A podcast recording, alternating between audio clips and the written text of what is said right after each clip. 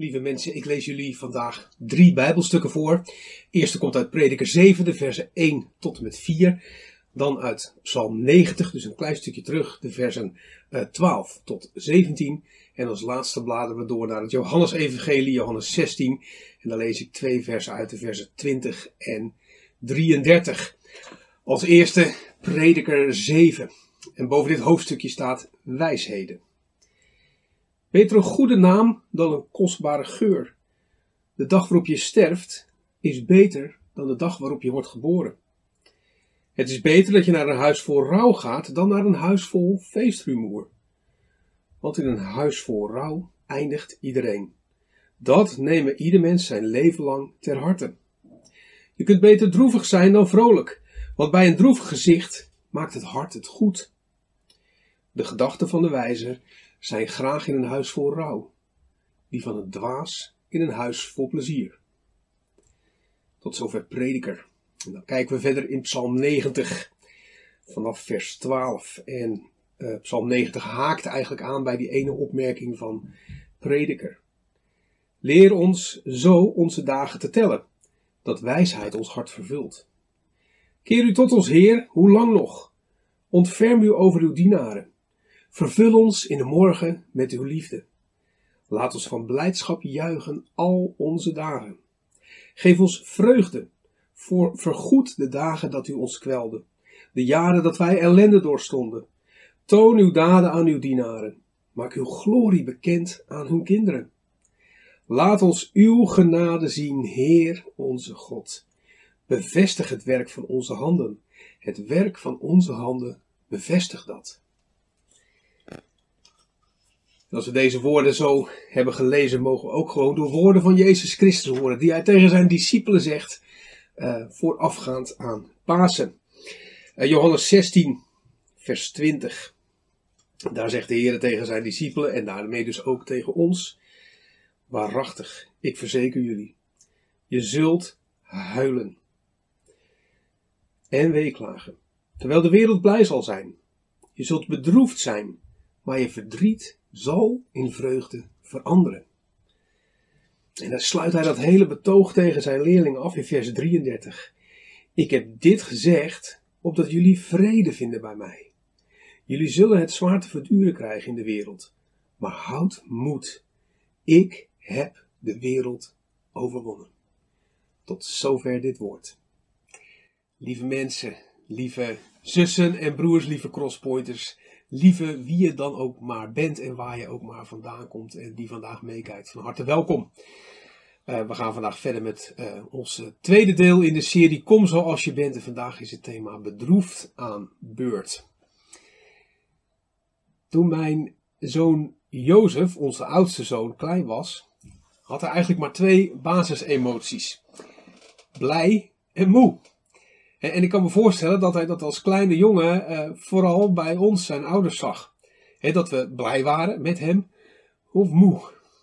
En, dat klopt ook wel, denk ik, als je kleine kinderen hebt, dus zeker die eerste.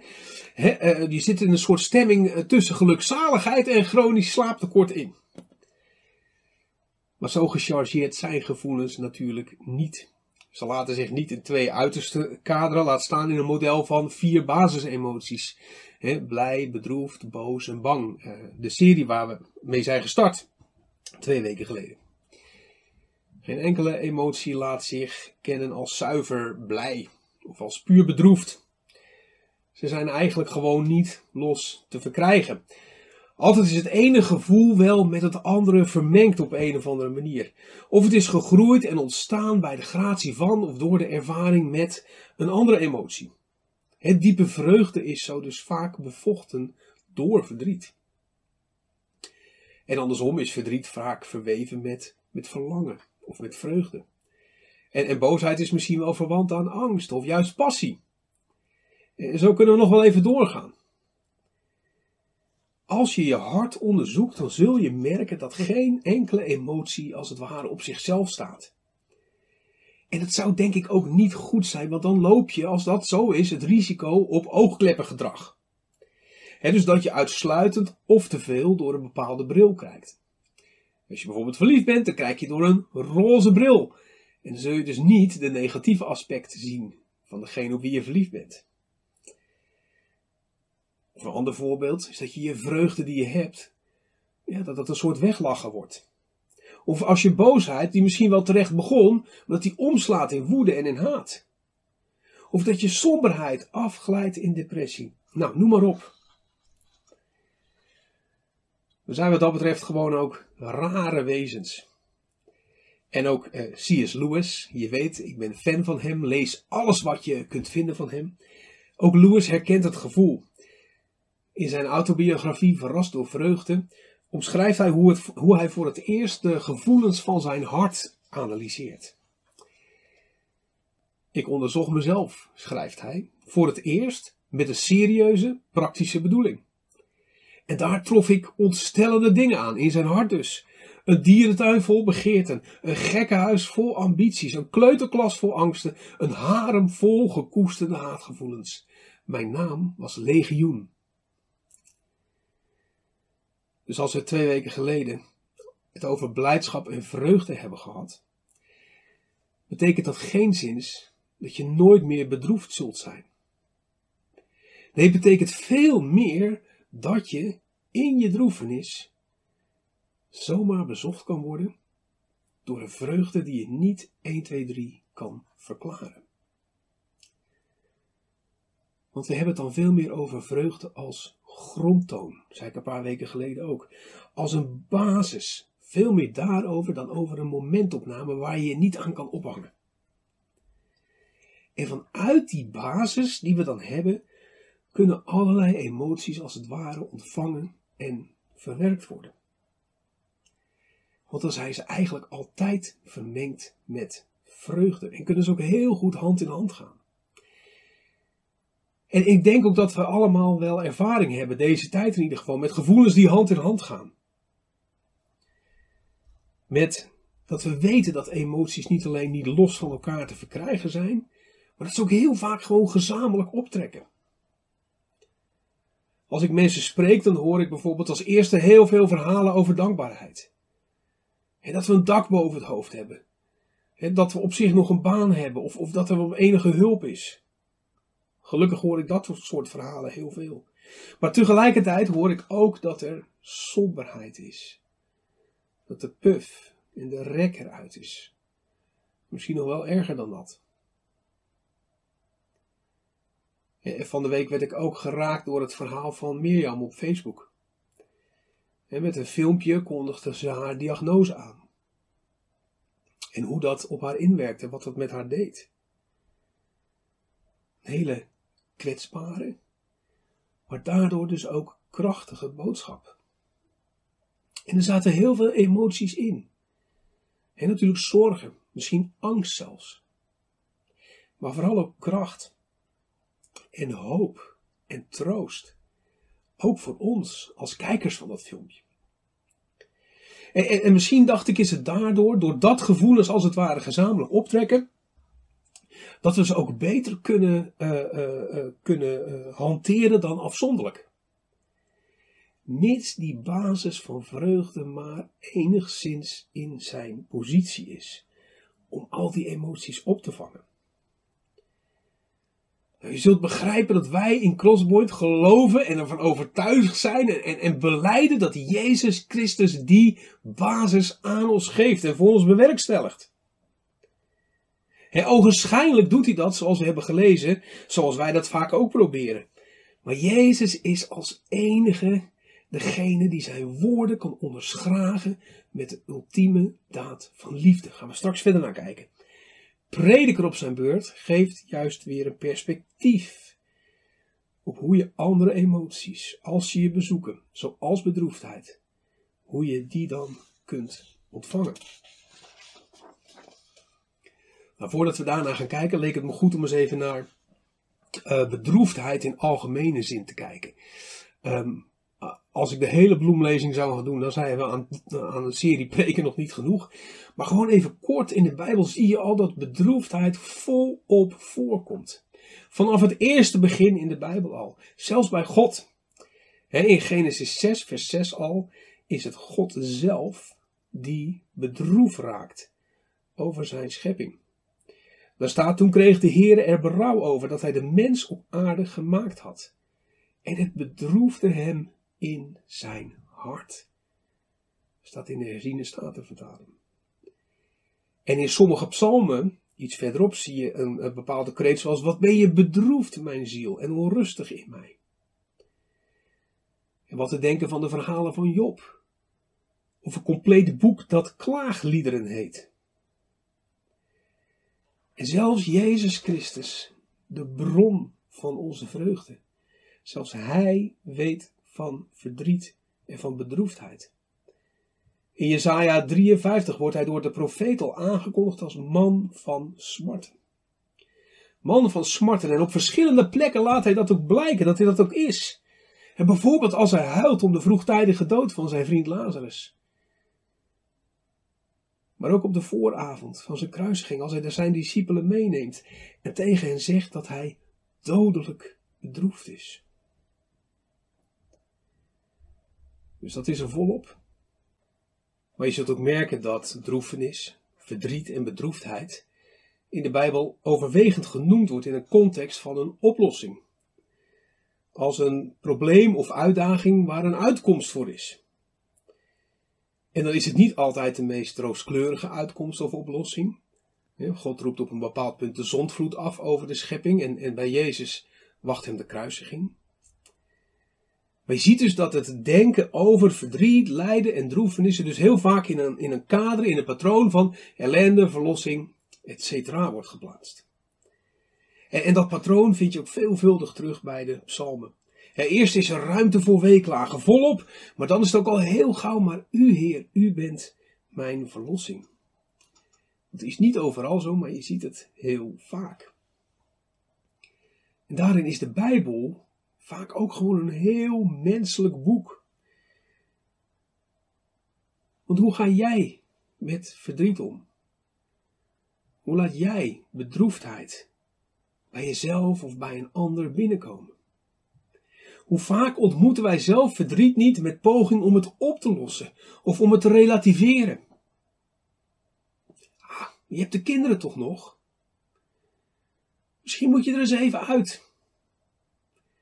Of uh, over een week of wat kijk je er weer heel anders tegenaan. Nou, tik me vooral op mijn vingers als ik dat in het pastoraat doe. De filosoof Parker Palmer zegt het volgens mij heel raak. De menselijke ziel, de menselijke ziel in verdriet vul ik dan aan, verlangt niet primair naar advies, naar reparatie of redding.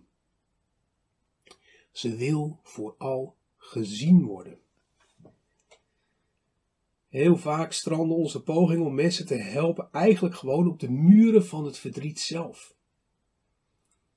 Maar mij hielp het om er bijvoorbeeld op deze manier naar te kijken.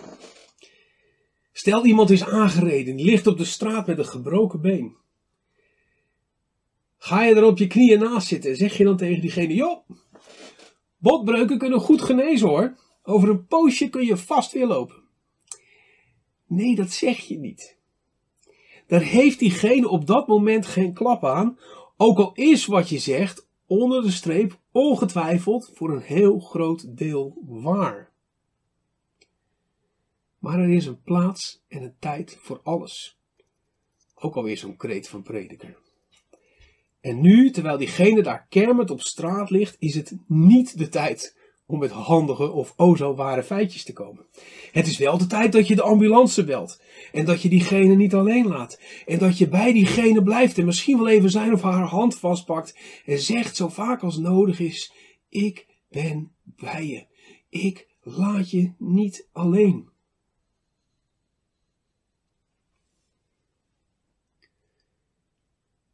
En nu kun je misschien afvragen: is het niet juist onze taak?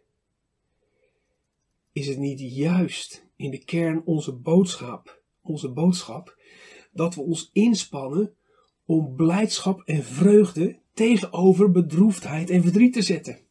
En is dat ook niet precies wat Jezus doet en zegt in dat stukje uit Johannes? Kop op, ik heb de wereld overwonnen. Dat is het niet precies. Hoewel wij als christenen, als mensen die leven uit de hoop, mogen aansluiten bij die belofte, zijn het niet wij, maar is het Jezus zelf die het ook daadwerkelijk heeft gedaan. Bij Hem staan er daden achter die woorden, veel meer dan bij ons. Oneindig meer, onzagwekkende, knieënde, buigende, verootmoedigende daden. Hij, Jezus, heeft daadwerkelijk ons verdriet overwonnen. Een van de mooiste en raakste dingen die daar wat mij betreft over zijn gezegd komen uit de pen van Tom Wright. Ook als een theoloog waar je veel van mag lezen wat mij betreft. In zijn boek Eenvoudig Christelijk schrijft hij over Jezus dat hij het was die de tranen van de wereld nam en tot zijn eigen tranen maakte. En dat hij ze droeg tot aan zijn vrede en onrechtvaardige dood om Gods grote reddingsoperatie uit te voeren.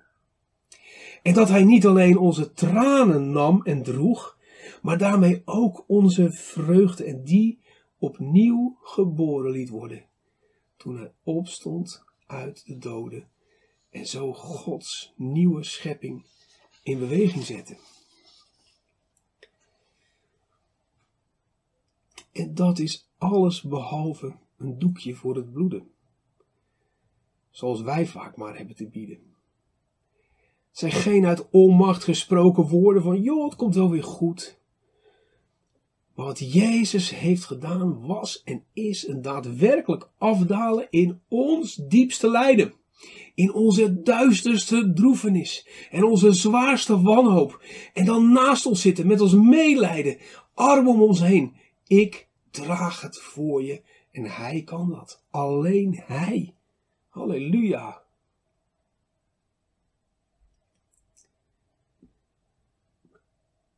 En als we ons dus verzekerd mogen weten van die basis, pas dan kunnen we echt iets met prediker. Met prediker die eigenlijk een beetje onverstoorbaar en ontnuchterend zegt: Je kunt maar beter huilen, want aan lachen heb je niet zoveel. Dit zeg je overigens ook niet tegen iemand die met een gebroken been op straat ligt, maar toch. Tranen vormen je, zegt prediker. Maar al dat gelach is maar stof in de wind. En hij heeft natuurlijk een punt. In hoeverre zijn jij en ik bepaald door en, en gevormd door de gebeurtenissen in ons leven? Was dat vooral door die keren dat je het in je broek deed van het lachen, of was dat juist en primair in en om de gebeurtenissen die je tot wanhoop brachten. Ik denk zelf die laatste. En prediker, voordat je hem afdoet als alleen maar een zuurpruim, heeft dan een hele gezonde en misschien zelfs humoristische portie realiteitszin. En ik denk wel eens dat hij het met opzet doet, zulke krasse uitspraken. En zo is vers 1 van hoofdstuk 7 bijvoorbeeld een onvervalste Hebreeuwse woordgrap. En als je mij kent, ik ben dol op woordgrappen. Vers 1, beter een goede naam dan een goede geur. De vertaler heeft het al een beetje geprobeerd in die context te trekken. In het Hebreeuws staat beter een goede shem dan een goede shem-en. Dus die twee woorden lijken veel op elkaar. Met andere woorden, beter een goede reputatie uh, dan een air van betrouwbaarheid. Nou, zo zet prediker alvast de toon. Voordat hij een aantal stevige truth bombs dropt. Waarheden als een koe. Huizen vol feest zijn geen garantie, zegt hij. Maar sterfhuizen zijn dat wel. Daar komen we allemaal een keer. Leer ons zo onze dagen te tellen, sluit Psalm 90 aan. Een droevig gezicht maakt het hart goed zegt prediker. Het ziet er misschien niet zo mooi en aantrekkelijk uit, maar het polijst je hart. Geen glans zonder wrijving, lijkt prediker te zeggen. Wijzen investeren in pijn en verdriet, legt hij er nog een schep bovenop. En dwazen verspillen alles aan lolletjes en feesten. Ik zou bijna zeggen, dat is de uitspraak. En daar zult u het mee moeten doen. Maar prediker met al zijn zuurheid en somberheid en geëmmer, die erkent tenminste volmondig niet alleen dat er droevenis en bedroefdheid is, maar sterker nog, dat het er ook gewoon mag zijn, misschien zelfs moet zijn. Ook nu in deze tijd. Als je misschien wel heel erg in een overlevingsstand staat. Meer dan je lief is. En ook al erken je dat je tussendoor niks tekort komt. Dat vind ik het fijne aan prediker, aan die zure, onverstoorbare prediker. Die tussendoor ook nog eens een constructieve en louterende functie aan onze tranen geeft. Je mag bedroefd zijn. Je moet misschien af en toe bedroefd zijn, maar je hoeft niet bedroefd te blijven. Na prediker komt immers het levende woord, Jezus Christus zelf. En dit is zijn prediking. Je zult huilen en weeklagen. Je zult bedroefd zijn. Je zult het zwaar te verduren krijgen in deze wereld. Maar, en dit geldt voor jou en mij en voor u, ons allemaal. Maar, houd moed. Ik, Jezus Christus, heb de wereld overwonnen.